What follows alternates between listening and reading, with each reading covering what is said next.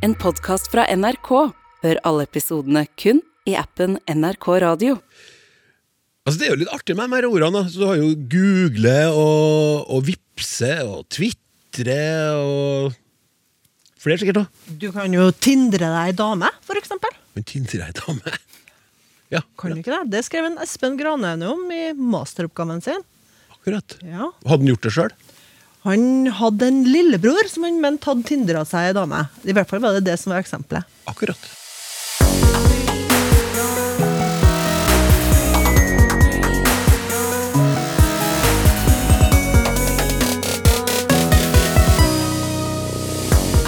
Hvorfor sier vi bibliotek, men bibliotekar? Hvordan får man et merkevarenavn til å bli et verb? Hva er egentlig en sensitivitetsleser? Og har du noen fått et svar fra en kundebehandler som fikk det til å koke under topplokket?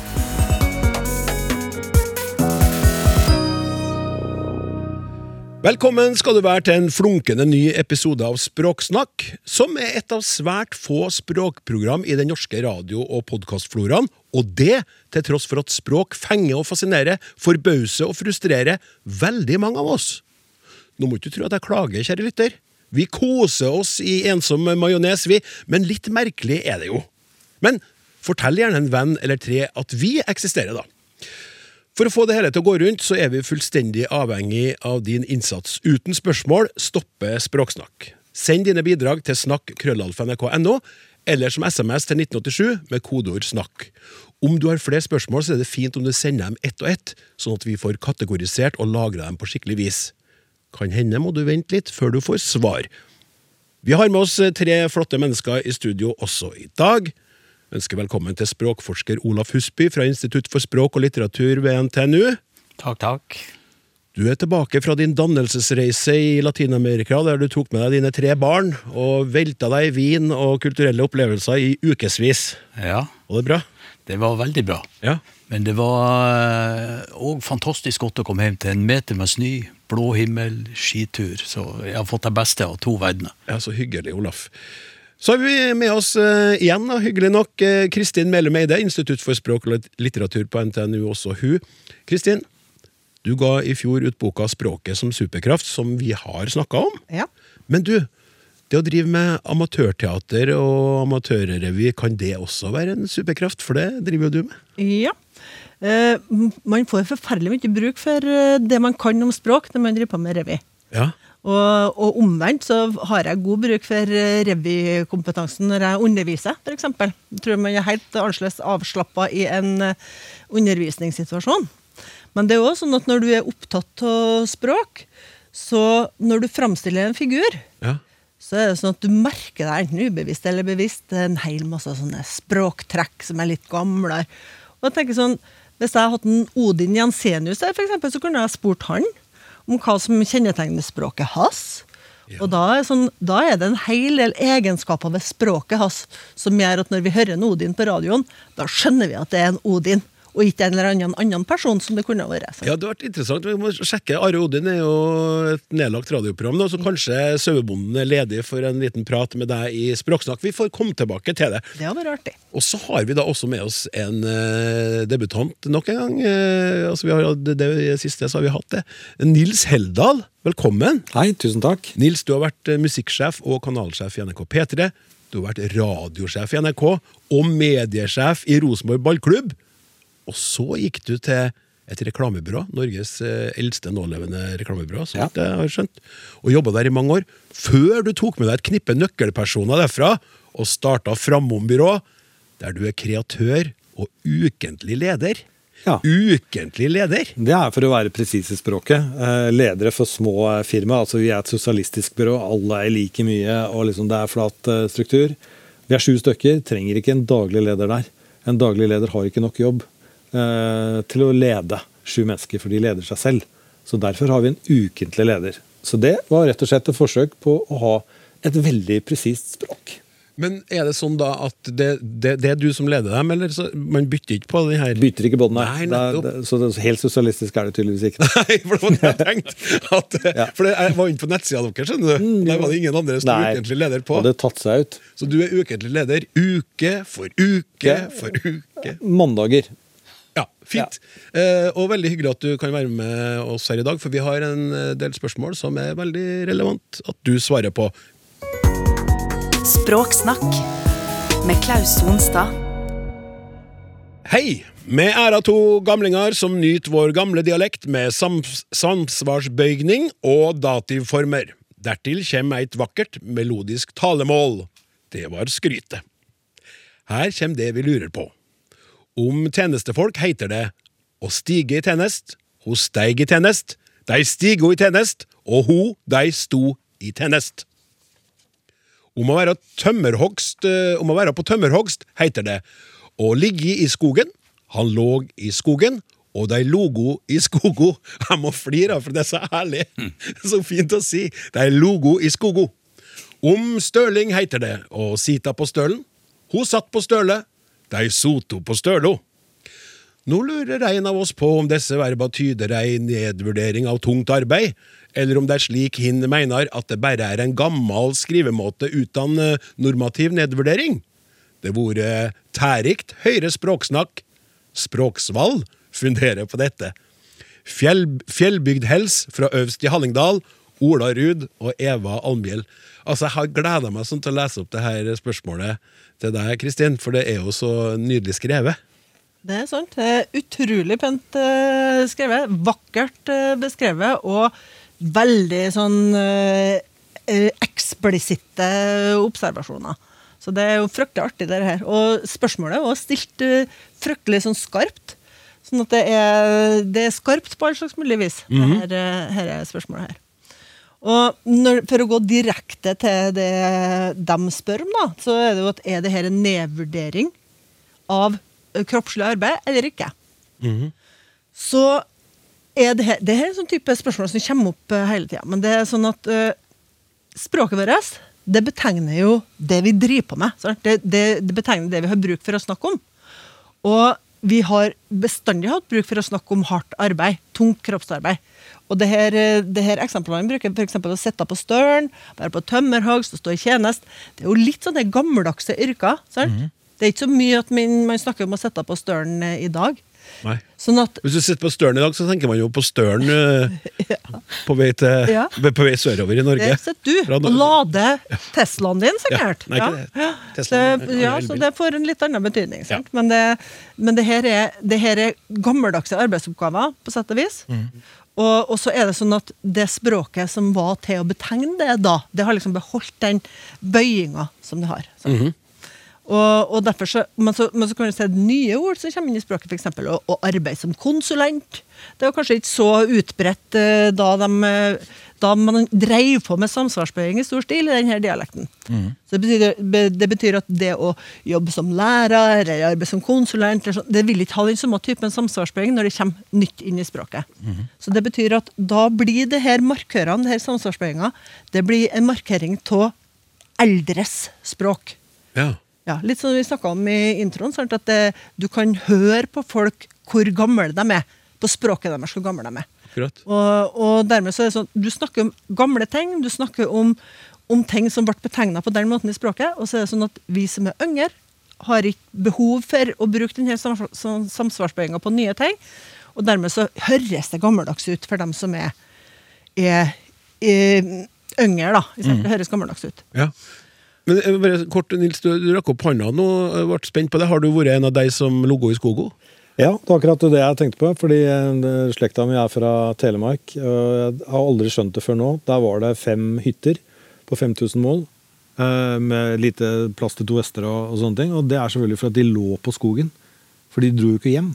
Når du var ute og hogg, hog, du måtte ligge der. Så det skjønte jeg nå. Akkurat. Og det er jo veldig presist, da.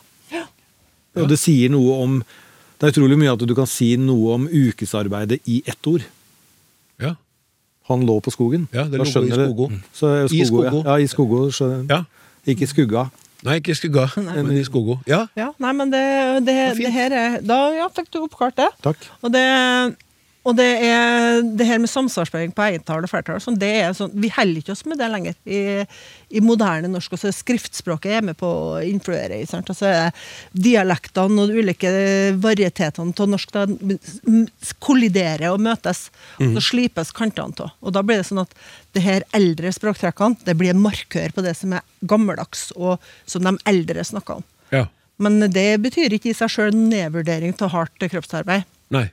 Det er heller sånn nå det at, øh, at uh, i stedet for å gå på helsestudio, så er det sikkert flere som kunne ha ligget litt mer på skogen. Sant? Og drevet i skogen. og Ja, gått på. Det er et godt poeng, syns jeg. Og så er det jo rart med det, men det kan jo også være på, av at denne programlederen har begynt å bevege seg opp i alder.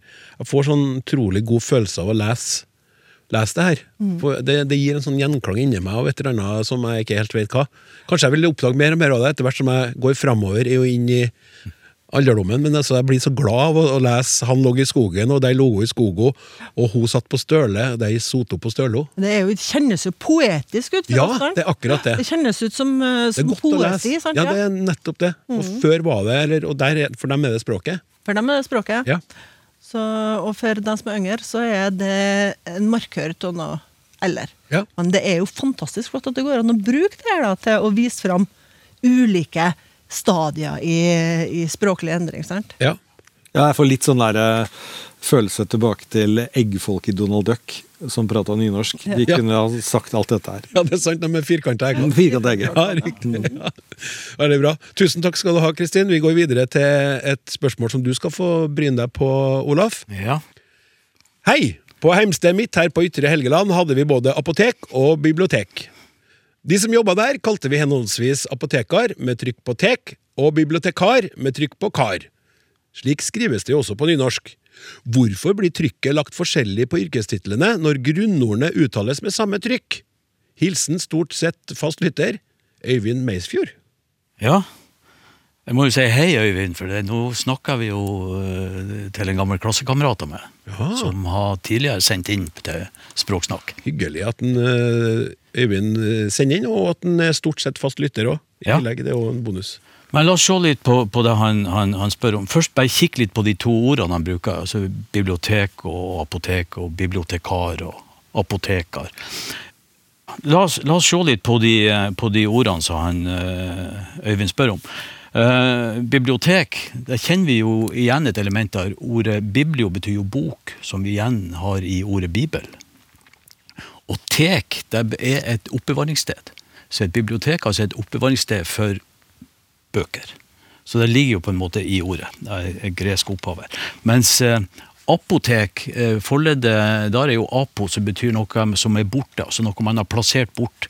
Og teket er igjen et oppbevaringssted. Så en, en, et, et lager, en plass hvor du har plassert ting. Og i dag så er det som er plassert i apoteket, jo stort sett medisin, men nå har du jo hårvaskmiddel og solbadeolje og alt mulig der. Ja. Eh, Hårvaskemiddel og solbadeolje. det er også- Litt sånn arkaisk. Og, og, og det her eh, tekendelsen har vi, har vi i en- del andre norske ord. Eh, Vi har nye ord som lekotek, hvor man kunne låne leker. Ja. Og vi har diskotek, hvor man kanskje opprinnelig lagrer plate, men i dag i diskoteket hvor man spiller plate og danser. ikke sant? Medietek, hvor du kan låne ulike kanskje, vet ikke, kassetter, radioprogram. Du har videotek, og så har man noe pussig som heter klippotek. Hva det er når man oppbevarer der, altså. Men jeg antar Klippoteket er en frisør, ikke sant? Ja. Eh, og de her som arbeider, de har altså ulike navn. På apoteket er en apotekar, og på biblioteket er en bibliotekar. Og han Øyvind spør da hvorfor heter det ikke apotekar eller bibliotekar? Og da må vi gå til, eh, til opphavet på, på de her endelsene. For den der eh, ar-endelsen, det er egentlig en gammel eh, latinsk ending som var arius. ja. Og den har blitt nedslipa i, i, i, i, i tidens løp, som at Arius ble først til Ari. Og det her finner vi igjen i svensk. ikke sant? Det heter jo, Hva heter apoteker på svensk? Ja, Det vet jeg. Apotekare. Apotekere, ja. Og lærer heter Lærere. Ja, ikke sant? Så de har tatt vare på den i-en der, til og med, og så han forandra litt grann lyd til, til en e. Ja. Mens i, i norsk så har den her eh, Arius blitt koka ned til ar. Og via dansk så har den her A-en i ar blitt koka ned til en, en E. ikke sant? Så får du apotekar, sa en Øyvind seg, også med seg. Mens i, i, på Østlandet så vil man da si apoteker. Eh, Men hvorfor da ikke en, en bibliotekar? Og da eh, begynner jo den latinske altså reglene for hvordan latinske bygd opp begynner å slå inn. For det, hvis vi går tilbake og tenker oss det heter bibliotekarius, da må vi legge trykk på kar der. Hvorfor? Ja, for i gresk, nei, i latin så er det regelen at hvis nest siste stavelse er lang, så skal den ha trykk. og skulle det være noe sånn bibliotekarius. Men den er ikke lang, den er kort, og derfor blir det bibliotekarius. Og så slipes, og så slipes iusen bort, og da sitter du igjen med bibliotekar. Så det er egentlig samme endelsen som på en måte har blitt utsatt for, for eh, sånn, ja, bort, altså Endelser er slipa bort, og det her kjenner både han, han Øyvind og du til i, i, i deres språk. Du sier sikkert 'å skrive' i stedet for 'å skrive', og 'spise' i stedet for 'å spise'. Så det er akkurat samme, sånn svake endelser på slutten av ord, de detter bort. Men her har det da fått litt ulike eh, konsekvenser. I, og, og det måtte nesten bli bibliotekar og apoteker. Takk. Håper din eh, gamle kompis er fornøyd med det svaret, Olaf.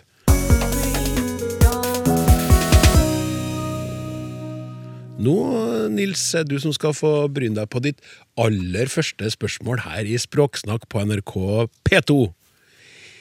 I dag rakk jeg ikke å skru på programmet tidsnok, så jeg kom, saken, kom rett inn i saken om olabukser. Det er en stund siden at det, denne e-posten kom til oss. da. Nevnte dere at det var et norsk fabrikkmerke? Kanskje en tekstilbedrift så de amerikanske buksene komme, så de amerikanske buksene komme og ville lage, i tide lage et norsk alternativ? Jeg tenker jeg var ca. ti år da jeg fikk olabukse på 50-tallet. Den var i brunt stoff med opprett og fôr av rutete flanell. Man fikk både sorte og mørkeblå olabukser i sterkt stoff, slik man brukte til arbeidstøy. Og det nye var vel- at sømmene var i en kontrastfarge, slik at de syntes. Og baklommer sydd utenpå buksa. Man ser det samme fenomenet i stillongs, som var et norsk fabrikkmerke. De var lysebrune med en liten strikk under hælen og ingen fot. Det var en stor lykke når stillongsen kom og avløste hofteholdere og liv med stropper, og strømper som skulle festes i stroppene. Jeg er nå 77 år, og i min generasjon bruker, ordet stil, bruker vi ordet stillongs fremdeles om strømpebukser. Mixmaster var fabrikkmerket til de første i Norge, hvite med en sort skruknott bakerst til fartsinnstilling. Jeg husker jeg syntes den så ut som et fly uten vinger. Den fantes i mange hjem, og det ble plutselig fort gjort å piske eggedosis eller lage majones. Begrepet mixmaster om, om elektrisk mikser holdt seg i mange år, og jeg kan høre det fremdeles. Det finnes sikkert mange flere eksempler. I England har jeg hørt Hoover brukt for støvsuger, og til og med som verb. Hilsen fra Ellen Bonde Ormestad, som jo ikke stiller et spørsmål her, men ut ifra det her, Nils. Heldal, som jobber i reklamebyrå og greier og greier, som er ukentlig leder der. Altså, når, når merkevarenavn blir til et ord som går inn i ordboka, det, det, det, må jo være sånn, den ultimate suksess for noen som har funnet på et navn, et reklamebyrå. Eh, ja og nei, eh, er vel egentlig svaret på det. For, for ja, altså hvis, du, hvis du tar VIPS da. eh, det, er, det er helt genialt, syns jeg. Altså de som har kommet på VIPS Det er så enkelt å si, og du, du skjønner det intuitivt, selv om det ikke var et ord. Å vippse penger. Og, og det, det kommer jo til å bli et verb, eller er et verb allerede. Ja, det er det. Og det betyr jo på en måte at man kan eh, si at man vippser penger eh, til andre konkurrerende plattformer også. Så på en måte originalen eh, mister eh, organ originaliteten. Eh, og eh, så kommer det nye folk til, og de husker ikke historien. ikke sant? Du har det samme med f.eks. Nokia, da, som starta som støvler. Eh, og så glemte man det, og så trodde man at det var mobiltelefoner. Men vi husker ikke. Eh, men Det kan være eh, baksiden av eh, det er baksiden. Og det, det, det, det trenger ikke å være verb. Det kan være at eh, kategorien, altså hun, velger eh, eller bruker eksempel mixmaster. Og som vi da alle sammen husker, så kom jo det eh, først i, i statene i 1930 eh, og fortsatte til Australia. Men det ble et såkalt eh, generisk eh, varemerke, eller degenerert varemerke. Ja. Og det betyr at eh, navnet, som før bare var ett produkt, har nå blitt en betegnelse for en kategori. Ja, for jeg sier miksmaster, og så, så andre sier kanskje da hurtigmikser. Ja. Det kan være, er det det ordet? Og du har også ja. Nei, si dere miksmaster, eller, eller hva? Jeg sier miksmaster. Ja, Kjøkkenmaskin har jo òg det. ikke Ja, men? Olaf, jeg spør deg, nå sier du miksmaster? Jeg sier miksmaster. Ja, nettopp. Ja. Sånn, altså, vi bruker det. Men, men jeg er ikke en advokat, så jeg vet ikke om f.eks. for eksempel, Hvis du da laget Mixmaster-produktet i 1930, så søkte du varemerkebeskyttelse for dette merket i alle verdens territorier. Det betyr at ingen andre får lov til å gjøre dette her. Men så blir altså varemerket ditt degenerert. Det betyr at man, vi menneskene bruker dette varemerket for å eh, fortelle om alle andre konkurrenter. Da eh, kan eh, ordbøker og, og sånne ting eh, klassifisere ordet som generisk. Men jeg vet ikke da om man mister varemerkebeskyttelsen. Det aner jeg ikke. Nei. Men igjen, altså verdien av å ha noe, det vannes ut. For generisk betyr liksom at du Det er liksom det samme som grønne skiftet. Altså du hører det, så bare går hjernen i, i nøytral. For du har hørt det så mange ganger, du skjønner ikke hva det betyr lenger. Ja. Et generisk bilde kan bare være en bilde av en mann. Det kan brukes til en tannlegereklame i Tyrkia eller til Kristelig Folkeparti eh, partipromo, Ja. som de faktisk gjorde eh, for fire år siden, husker jeg, for da sjekka jeg det. Det er generisk. Ja. Og da mister du veldig mye av verdien du har på varemerket ditt. Og, Så, så det du sier, sier bare kjapt spørsmål eh, At hvis du har et produkt da som La oss si at noen eller jeg kommer til dere med et produkt som jeg vil at dere skal finne et navn på. Sant? ja. Og så gjør dere det i byrået ditt. Og så er det såpass spesielt at når folk verber det produktet, så er det ingen andre som er der. Da har du fortsatt det her ø, spesielle ikke sant, og unike med det, som en styrke. Men så tenker jeg andre det her er, det er jo en kjempeforretningsidé, og det er jo ikke patentert, og vi kan lage en avart av det her. Og hvis det da fortsetter over dit, altså det verbet fra produktet mitt, så begynner det å miste sin kraft som eget, eget merke. Merkevarenavn. ja. Akkurat, ja. ja. Ja, det var det jeg tenkte på, for du har jo et veldig sterkt merkenavn som Coca-Cola, ikke sant? Og plutselig så har vi Pepsi-Cola, Happy Cola, Easy Cola, ikke sant? Så det blir jo ei utvarming, så har de på en måte tatt den ene biten av det sterke ordet, og så hadde de gjort det til sitt. Jeg vet ikke, var det kontroversielt når det skjedde første gang? Jo, altså, jeg husker jo dette som det var i går. Jeg er jo født i 1860. Nei, men nei, nei, altså anta, Cola må vel da umulig ha vært et uh, varemerka eller beskytta tittel. Eh, så, så derfor har du fått det.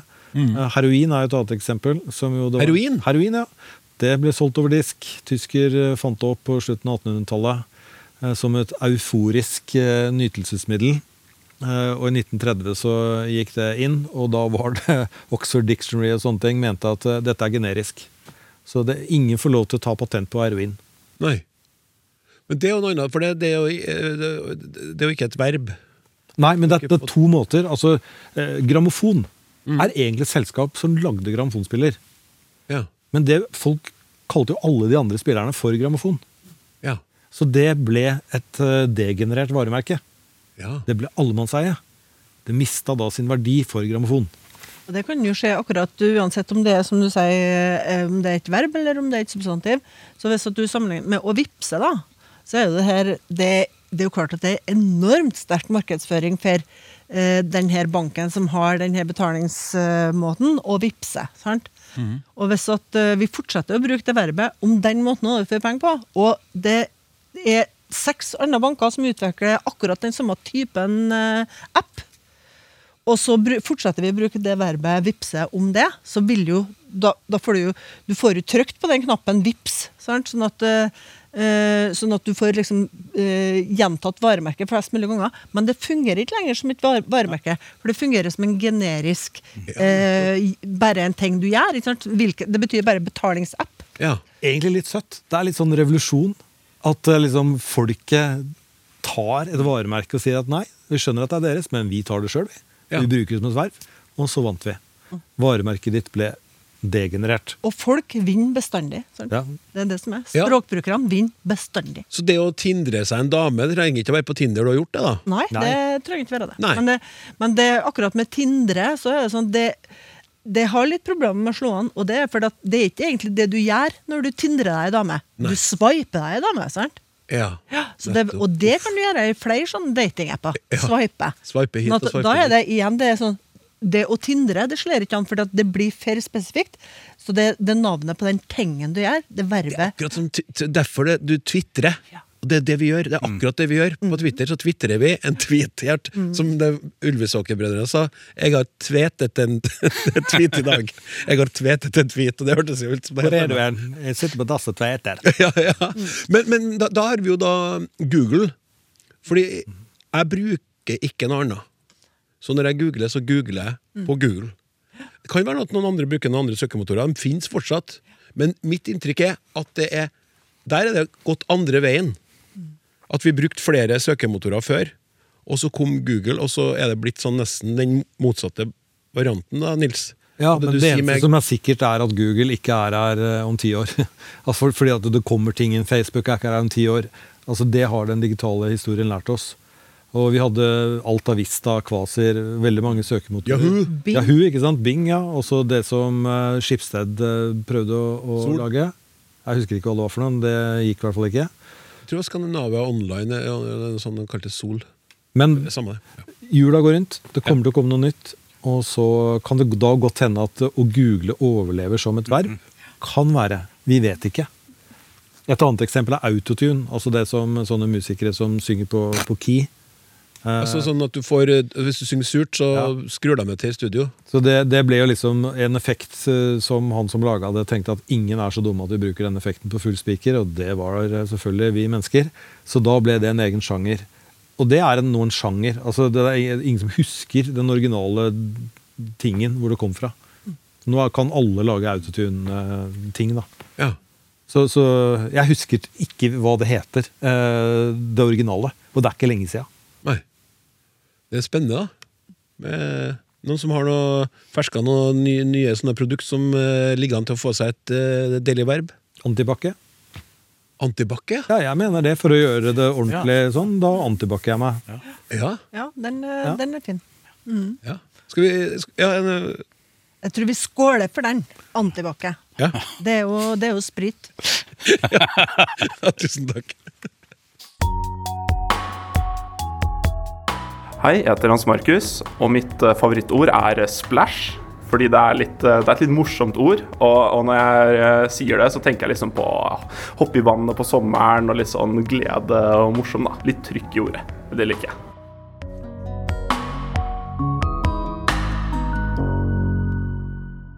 I Språksnakk så elsker vi å få spørsmål fra deg som hører på, men vi setter også veldig pris på tilbakemeldinger som eh, vi stadig får, og nå skal jeg ta for meg noen av dem. Vi snakka jo nylig om et ord som ikke er så veldig utbredt, nemlig fonask.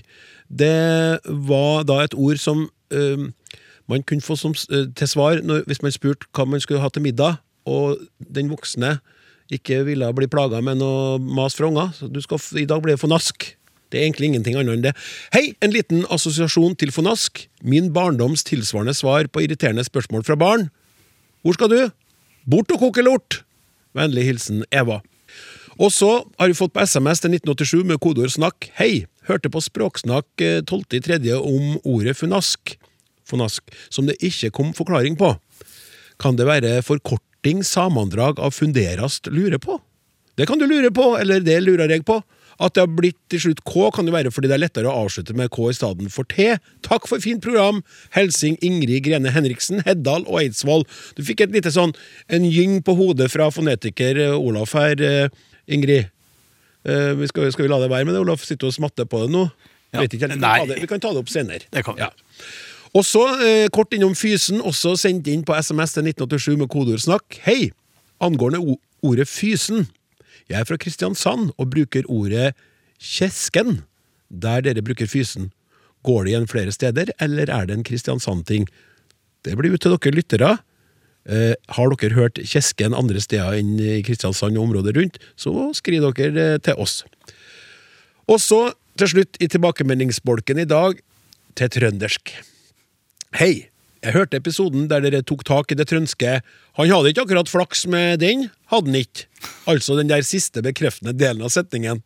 Jeg er trønder, riktignok ikke fintrønder fra Trondheim i byen, men læll. Jeg har en kollega fra Tromsø som også bruker slike bekreftende slengere etter enkelte setninger. Jeg kjøpte meg en toy, gjorde jeg.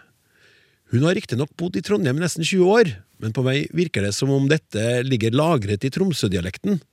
Bare trøndersk og trondhjemsk er det kanskje ikke da? Kenneth. Og nok en gyng fra han Olaf. Hva tenker du, bare kjapt på det? Nei, Jeg prøver å tenke på om, jeg bruker det der eller ikke. Jeg, jeg tror ikke jeg gjør det. Gjør du ikke? Nei, greit.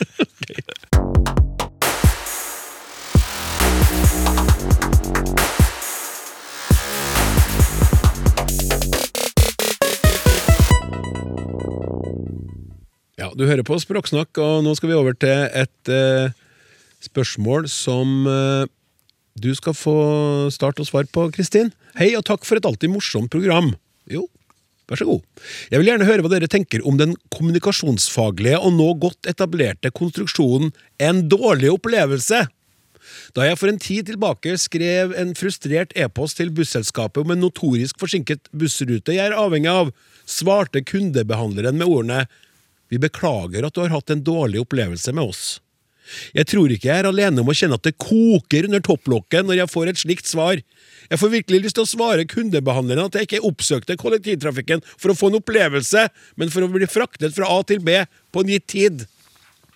Kollektivtrafikken er ikke eventbransjen. Jeg har da for pokker verken bedt om eller klaget på en dårlig opplevelse. Jeg har fått en sterkt forsinket buss. Jeg syns faktisk dette er ganske alvorlig. I en NRK-reportasje i dag leser jeg om en mann i rullestol som er avhengig av offentlig transport for å komme seg på jobb. Av forskjellige årsaker har han opplevd, der har vi det igjen, å bli frakjørt, nektet ombordstigning eller gjenglemt om bord. Altså, han har ikke kommet seg av på rett stoppested. Han føler seg nedverdiget, men har også gitt opp å klage. Kommunikasjonssjefen i det aktuelle selskapet svarer slik. Det skal ikke være vanskelig å reise med rullestol, men vi forstår at det oppleves som er krevende å reise med en uten. Og her er jeg framme med spørsmålet mitt. Jeg skjønner jo at man formulerer seg slik for å vise forståelse og for å komme kunden i møte, men er ikke dette bare en variant av den nå litt mer uglesette 'jeg beklager at du føler det slik'?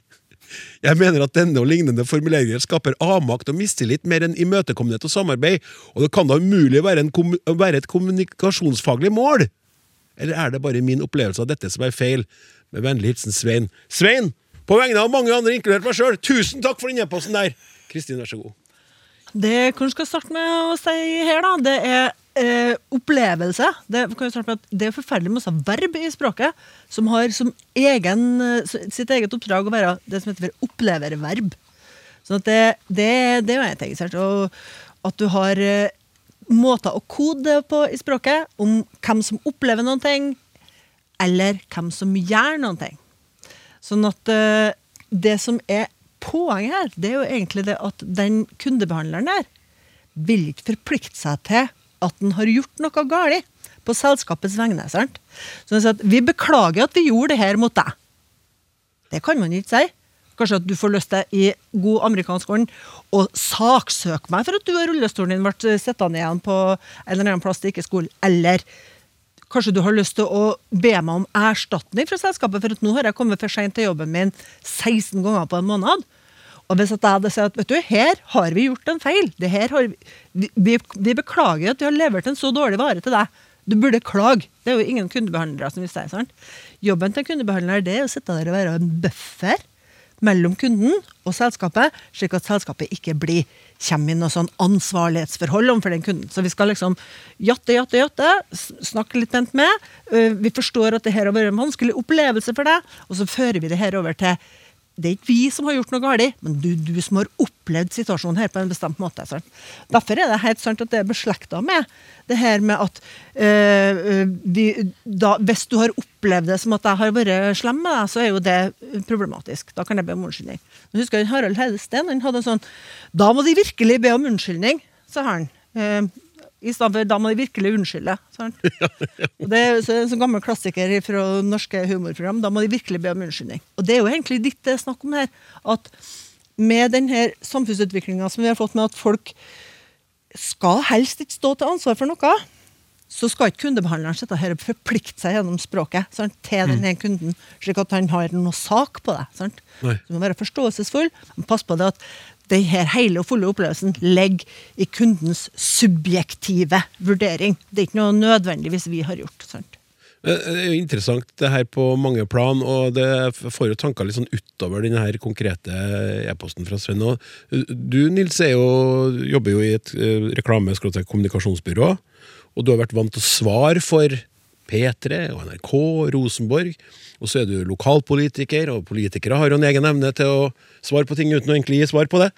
Men hva tenker du om, eh, om det som blir sagt nå sånn, når dere skal rådgi noen, da? Ikke sant? Hvis jeg er kunden din, og så sier jeg at å, nå, nå brenner det rundt meg her, det er kaos, eh, og jeg må svare. De Adresseavisa er på meg, hjelp meg. Er det da til slutt at jeg står på, foran mikrofonen og sier jeg beklager jo at vedkommende opplever det på denne måten? Er det det du vil gi meg til råd? Eh, nei, fordi den setningen har blitt generisk. Så den betyr ingenting. Folk blir bare forbanna av den, for man har hørt den for mye.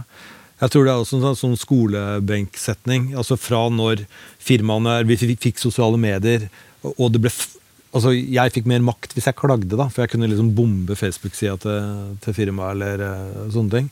Så er det noen som har funnet på sikkert amerikansk Det er viktig å se på følelsen til den som klager. Og hvis du bare kan se, ser din smerte uten å si noe mer, så har du antagelig forsinket denne uh, sinna mennesket ganske mye. Og det har funka veldig lenge, og nå begynner vi å bli lei av det. Og da tror jeg at skolebenkene lærer kundebehandlerne å si noe annet. Du må, vi må faktisk bli litt mer konkrete, Ja. mener jeg. ja men Og du så det på flyet, den turbulensgreia. Altså for en, jeg rekker opp hånda dem som er litt småredd for å fly. Jeg, jeg, nå rekker jeg opp hånda dere tre andre. Ja, ok, Kristin og Nils gjorde det samme. Jeg, og jeg skal jo ikke gå inn i sånne saker og lese om sånne der, der et fly dropper mange hundre meter og alt blir totalt kaos rett under matserveringa, men jeg gjorde det likevel og leste hvert eneste ord om det. Det var veldig interessant det som ble sagt etterpå. Galsk, det, folk gråt, personalet gråt, de ansatte om bord. Det var helt kaos. Ja, det som ble sagt, eller det, det er en lærebok i hvor kyniske vi er nå. Det er en liten verden. Så øh, Lufthansa ga blaffen i passasjerene. Det eneste de sa til passasjerene var ingen ta noen bilder her inne nå. Det er ikke lov, fordi vi må tenke på personvernet til de andre øh, passasjerene. Og så var det å gå offentlig ut og si at nei, dette var jo bare datt litt, det var litt ille og sånn, men altså, alt går bra, og vi måtte foreta en alternativ landing fordi vi tenker jo mest på passasjerene våre. Og så er det da noen passasjerer som har tenkt jøss, dere brydde dere ikke om oss før etter tre dager. Så kom det en uh, mail. Så det viser først minimaliser ingen bilder skal ut av dette her. Uh, nummer to, nå tenker vi bare på omdømmet vårt der ute. Passasjerene kommer på tredjeplass, og etter tre dager så har vi tid til å snakke med dem. Men enn hvis de hadde gjort det motsatt? Fra første sekund. Hvis de hadde fått skryt i sosiale medier etterpå for den måten de har tatt Ja. vare på passasjerene på etter denne gruoppvekkende opplevelsen, som er ganske sjelden tross alt i moderne luftfart. Jeg har vært med på å datt eh, kanskje ikke 350 meter, men, men så sjelden er det ikke likevel, da. Så Ok, det- takk for det. Tusen hjertelig takk skal du ha. Ja. Men hvordan, hvordan ble dere ivaretatt etter det, da? Nei, det, det, det var det, Piloten kom på og sa 'oi'. Sånn. Og det gikk ganske greit. Han sa han ikke wow da, i samme Nei, det slengen? var sånn, Oi, dere kjente sikkert at vi ramla ned i et hull, og det gjorde vi. Sant? Vi datt ned i et hull. Og det Ja. eh, var og sånn var det. Men det var, passasjerene var ivaretatt. Han sa oi, og det var that's eh, it. Ja. Vi var ikke så sensitive da. Nei. Olaf, har du noen sånne eh, opplevelser med, med der du klager, eller, eller sånn der folk møter deg med de her generiske svarene og klager at du har opplevd det på denne måten? Nei, men jeg, jeg tror kanskje at det blir altså, det, det er jo en del av, av språket, så jeg reagerer ikke på det lenger. At på en måte formen det har, og jeg er heller på jakt etter, etter innholdet. Og, Ja. Jeg må jo bare si det når det gjelder det. Jeg rekte jo ikke opp hånda og var redd for å fly, men jeg har langt bak i en utdannelse innenfor lufttrafikktjenesten, og jeg jobber litt som flygeleder, så jeg stoler fullt og helt på både de på bakken og de i cockpit. Så du stadig vekk nye og spennende Altså Ikke bare er du sommelier, ferdigutdanna sånn, men du har vært flygeleder. Flygelederassistent. Okay, ja, for det var så liten flyplass. Ja, ok. Kristin? Nei, det er jo eh, det her med grunnen til at vi blir irritert på det, tenker jeg. Det, er jo, det handler jo litt om det at eh, om det er bilder, eller om det er uttrykk, eller om det er verber, sånn som vi snakka om i stad, så blir ord og formuleringer eh, blir jo utslettet. Akkurat som klær. sant? Så det er sånn at eh, alt som var nytt og spennende en gang, når det blir overforbrukt, så blir det jo floskler av det. Og, og For ti år siden så var det kanskje ikke så floskelaktig, men til at, det- at selskapene da på et tidspunkt, eh, som du har sagt her, fant ut at det her var en fin måte å bruke det på. Og det er fordi at akkurat som, eh, som jeg sier, som med klær, så er det sånn at man er nødt til å fornye den språklige garderoben med jevne mellomrom, for ellers så er det, er det rett og slett bare eh, lasene igjen av det her klisjeene etter hvert. Ja, så blir det også en annen ting. Men Du sier jo Nils, at du kan, kan bli irritert og frustrert, men også den her at det blir så automatisert. da. Eh, Som Det lærte jeg på litteraturstudiet, det med automatisering og desautomatisering. Det er som i et forhold, du slutter å se eh, partneren din og har ikke lagt merke til å klippe seg. noen ting, for det, det er sånn Du bare, du ser egentlig ikke vedkommende, du hører ikke hva folk sier lenger. Men hva tror du, bare helt kort, helt mot slutten, du sier at det kommer kanskje en endring. Litt mer ærlighet, da. Litt mer sånn Tibber, for eksempel, hvordan de kommuniserte før riktignok de begynte å sende regninga litt på, vel mye på forhånd, hadde en helt annen måte å, å bruke språket på i eh, kundebehandling og sånne ting. Så det her endrer seg hele tiden. Så jeg ser din smerte og jeg ser din følelse. Det er gårsdagens måte å si unnskyld på, og den funker ikke lenger. Jeg ser den. Tusen takk skal du ha. Hei, jeg heter Øyvind, og jeg er en glad gutt. Mitt favorittord er herlig.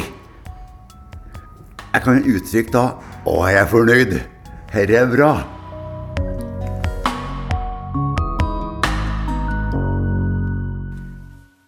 Hei! Jeg er trønder fra kystøyene og lurer på hva det er som har skjedd som gjør at så mange, særlig brukere av trøndersk bydialekt, gir avkall på palatal n til fordel for retro, retroflex n, altså n-lyder til n-n-lyder. Eh, Jeg er i slutten av 30-åra og trodde tidligere at denne omgjøringen tilhørte barne- og ungdomsspråk, men blant annet på programmet deres, hvor deltakere og programleder generelt er eldre enn meg, brukes retroflex der jeg hadde forventet palatal, som i ord som han, fan, altså han, fann, finne og mann. Han, fan, finne og mann. Har det en sammenheng med vokalen? Jeg er ikke sikker på at jeg har hørt N som har en annen vokal, med denne ombyttinga fra palatal til retroflex N, og i bestemte ikke-kystnære trønderdialekter. Kanskje ekspertene vet mer om dette? Hilsen Tiril. Eksperten starter vi med. Olaf. Ja, jeg var litt forbausa over at de hadde hørt at hvis jeg inntrykket med det rett, at du bruker sånne retroflekser, for det gjør du jo ikke. Du sier jo mann. Jeg, jeg gjør jo det. Så det må kanskje være noen i studio som har sagt mann. Ja. At det var, ok. Eh, For det gjelder jo eh, fire lyder, egentlig. Du har jo han, og så har du en L i vill, og så har du en T-lyd i kvitt, og ikk, ikke sant? Og så har du en D-lyd i svidd, eller kladd. Så det er de fire. Og, og det man eh, observerer, er jo altså at de her lydene er i ferd med, eller artikulasjonen av de ordene som har de lydene, er i ferd med å endre seg. Eh, På, på, på eh, østnorsk så er jo de her lydene artikulert med tunga mot tennene, så man vil jo si han, vil, eh, kvitt, eller dobbelt, ikke sant? Ja. Og kladd. Mens i Trøndelag så er det han, vil, kvitt og kladd. Eh, Stian Horstad, som har vært her flere ganger, han har jo eh, omtalt det her i doktorbehandlelsen fra 2010. Ja, vi snakket om den. Og han har noen kilder som går enda lenger tilbake til like over 2000, hvor det her fenomenet er observert på Melhus, det er observert på Røros. Og det han ser, er altså at i valget altså, eh, mellom denne palatale n og den her dentale, altså med tunga mot tennene, mm, så velger språkbrukerne noe som ligger midt imellom. Og det, som, det er jo litt interessant altså når du En sier palatal retroflex, på en måte. eh, ikke, Jeg tror vi holder bare til retroflex. Ja, ja, ja. Palaflex. Eh, så, så altså, når, når jeg sier uh, han, så har jeg tunga mot tennene i overkjeven. Når jeg sier han, så legger jeg tungespissen bak tennene i underkjeven, og så presser jeg tunga opp imot den harde ganen. Men det nye, da begynner man å trekke tungespissen bakover, så du får han. Han. Ja, nettopp. Han. Vann. Ja, Det der Og- har jeg hørt mye av, i, eller mye av, mye, ja. i Trondheim. Men den her n-lyden er jo ikke noe, noe, noe særsyn i trønder. Sier du barn, for eksempel, vern, så har du jo den lyden Ja. allerede fra før, så det, det er ikke noen, noen ny lyd. Men, men den erstatter jo en, en, en annen lyd. Så spørsmålet blir jo hvorfor får man den erstatninga? Og det han eh, Stian spekulerer på, og andre med han, er at den her han og vil er veldig bondsk. Det peker mot distriktene, altså langt unna sentrum.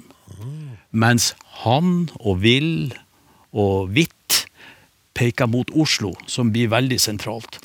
Og de nye språkbrukerne de vil ikke identifiseres med distriktene, de vil heller ikke identifiseres med Oslo. Så de velger en ny variant som er han. Og så får de likevel opprettholdt identiteten. Jeg er trønder, ikke fra distriktene. Jeg er trønder, ikke fra Oslo. Peker på deg sjøl. Ja, eh, jeg bor jo på Fosen, og skulle være så palatal som det går an. Eh, og det som jeg opplever sjøl, igjen opplever jeg, det er når jeg er på tur over fjorden i hurtigbåten, så cirka omkring Korsfjorden så sler, eh, jeg over fra palataler til retroflekser. Ja. Og det er nok eh, det her eh, I utgangspunktet så er jo jeg skitvett fra Asterøya, sånn at når jeg da skal være professor og akademiker, så tror jeg det, da, er det, da er det for bonot med det her mann og hannhund i bånd og det her, så da blir det Da skjer det et eller annet. Så blir det mann. Og det er ganske grusomt som språkforsker å kjenne at man gjør det her Eller kjenne at man gjør det her. sjøl. Men jeg oppdager jeg tar meg i det. Jeg gjør det. Og det, det, det er jo andre trekk som Det er, det er sånne kompromisser som er sånn Vi skal ikke være trondhjemmer, og skal heller ikke være Oslo, eh, Oslo-dialekt. Øh, Oslo du skal ikke normalisere retning bokmål eller østnorsk tale, men det er helt aldeles bonot skal man heller ikke være. Det er så mye som foregår, det er så mange valg man tar på kort tid. Ja. Og så er det jo sånn, eh, for Vi får jo ikke så mye kommentarer om det nå, men til å begynne med, da vi eh, starta Språksnakk, så var det mange som kommenterte eh, hvordan dere snakka muntlig. Sant? Sa, hvis en språkforsker sa 'på en måte', eller brukte mm. forhold til Ja. feil, da, i det gåseøynene. Men nå eh, slapp av, vi prøvde å sagt vi det er mennesker inni forskerkroppene. da. Og det er sånn som det du gjør der, det er jo kjempeartig. Og til, ikke minst fordi at du også driver med revy, sant? amatørteater og sånn. skal være visst, da, men det skjer lell. Ja, men altså, Jeg ble oppsøkt hjem av en nabo eh, fordi at jeg hadde sagt 'korsen' på radio. Eh, så, så da kom han hjem til meg og tok en alvorsprat. For det sier man ikke der jeg bor, man sier ikke 'korsen', man sier 'koss'. Og da, eller i noen tilfeller 'kess'. Sant? Så det, men 'korsen' det er bare rett og slett helt ut. Sånn at eh, folk tar det her alvorlig. Og Ja. man skal passe på sånn at man ikke eh, eh, jeg tror han Tor Erik Gjenstad ville ha sagt 'trør i kalvskiten'. Det er snakk om her at, man, eh, at når man prøver å gjøre seg finere enn man er. Ja. Det er vanskelig. Men det er interessant det her, altså, hvor eh, sånne bitte små bevegelser med, med tunga og, og kjeve og leppe er med og peker identiteten din i ulike retninger. Hvordan, eh, hvordan forhold har du til språket ditt, eh, Nils? Er- Ja, veldig dårlig språkøre. Så jeg, jeg har jo bodd i Trondheim i 25 år, men eh, jeg klarer ikke å snakke trøndersk hvis jeg prøver helt med hånda på hjertet. Så jeg, palatalisering og alt det dere sa nå, er helt gresk. Jeg skjønner, skjønner ingenting. Ok, da, Takk for det. Da går vi, da går vi videre, da. Men jeg kan litt gresk, da, så det er feil bruk av ordet, egentlig. Ok, ja. Hei igjen! Det er en fornøyelse å være fast lytter til Språksnakk, som har både korrekte, informative og morsomme forklaringer på det meste som gjelder norsk språk. Ja, ikke verst. De fleste må ha fått med seg utspill knyttet til, til Leif Erikssons symbolverdi på kolonialisme, som vi ikke ønsker å vise frem. Samtidig skjer det klare markeringer for å ta avstand fra negative verdier i barnelitteraturen. Tjukk kan bli fjerna, og enormt feit blir til bare enorm. Stygg og ekkel blir til bare ekkel. Folk er ikke lenger importert fra lumpaland.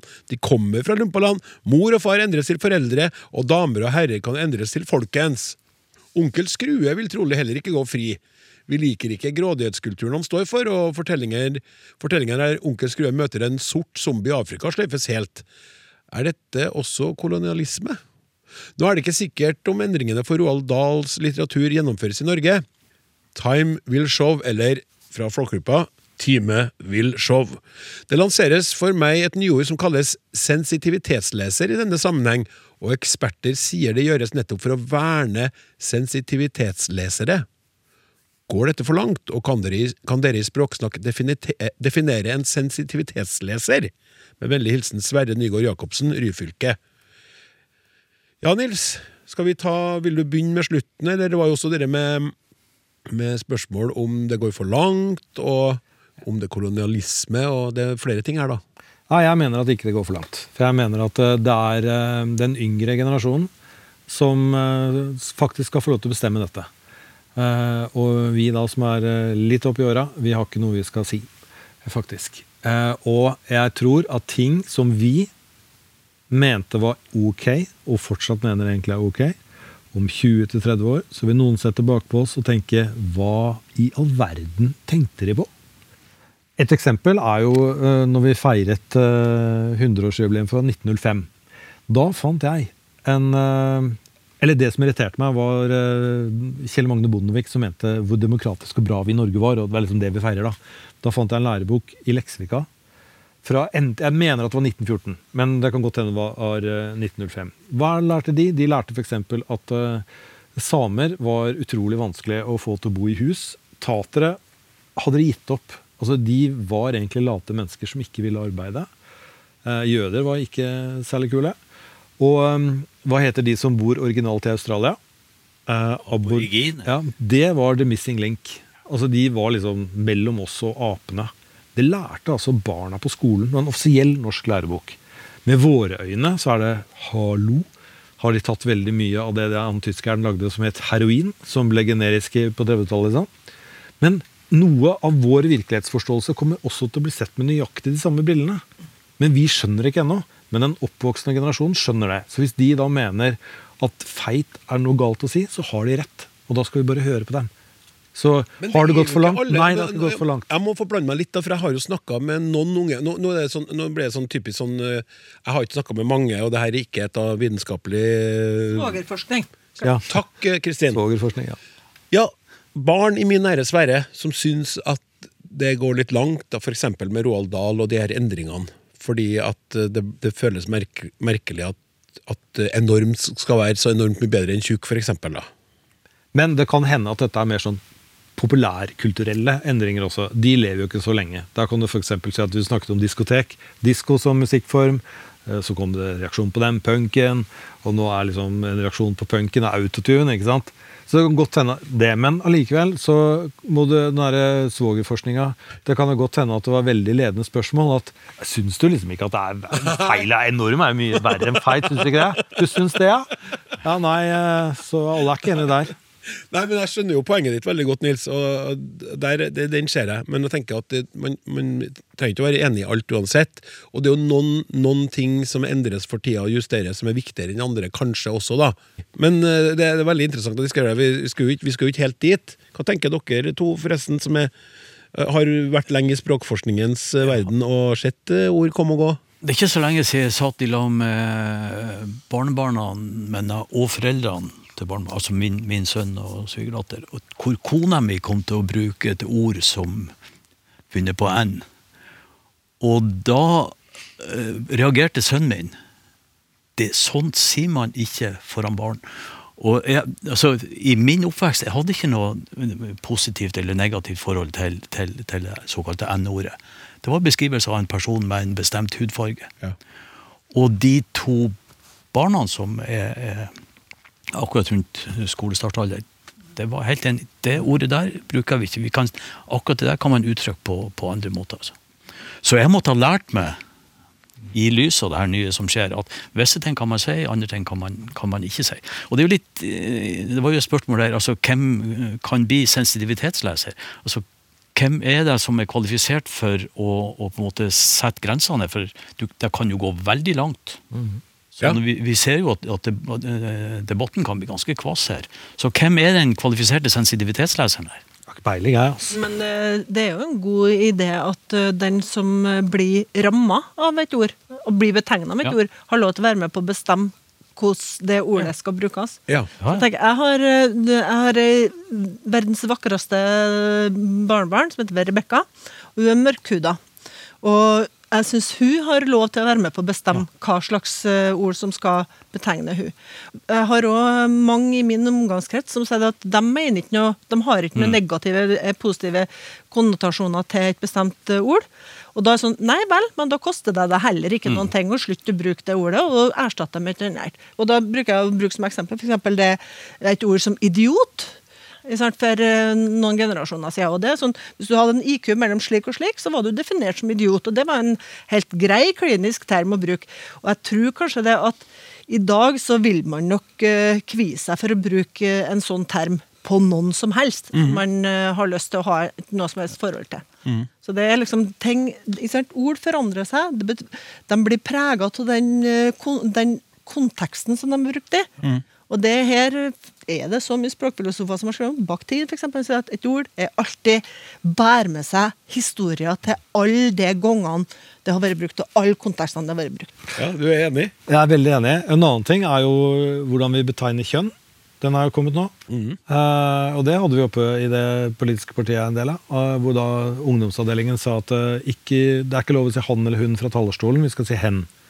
Og det går ut på at selv om jeg ser på deg, Klaus, at uh, du er mann, så kan det godt hen- hende Nå er jeg liksom ikke morsom. eh, så kan det godt hende at du identifiserer deg med å være kvinne. Det aner jo ikke jeg noe om. Nei. Kan jeg da skyte inn, Vi har jo vært borti akkurat det her som jeg skal ta nå. Det er litt sånn enkelt eksempel å gå til, kanskje litt sånn billig poeng. Men jeg har jo aldri vært helt sånn helt Eller noen, noen få i livet mitt har jeg vært normal altså, Veid liksom innafor normalen. Og jeg vil mye heller bli kalt tjukk enn enorm. Skal jeg da få være med på å sette standarden for det og liksom endre det tilbake, eller da? Ja, men da Jeg har, jeg har ikke, virkelig ikke lyst til å bli kalt enorm, men jeg kjenner at tjukk kan jeg leve med på en dårlig dag.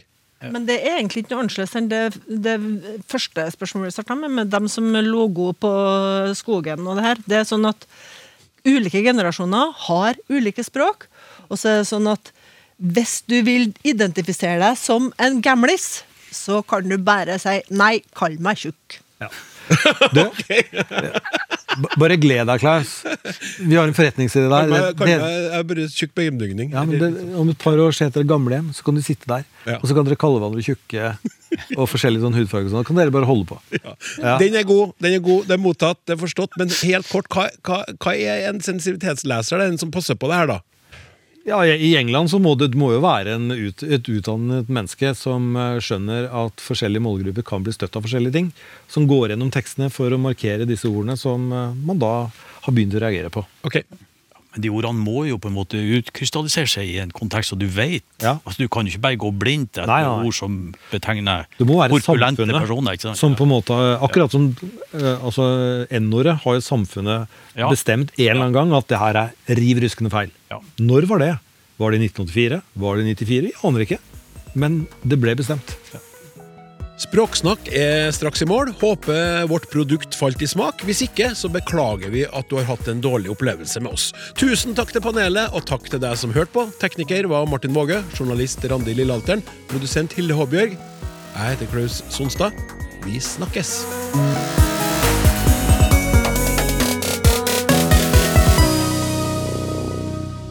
Du har hørt en podkast fra NRK. Hør alle episodene kun i appen NRK Radio.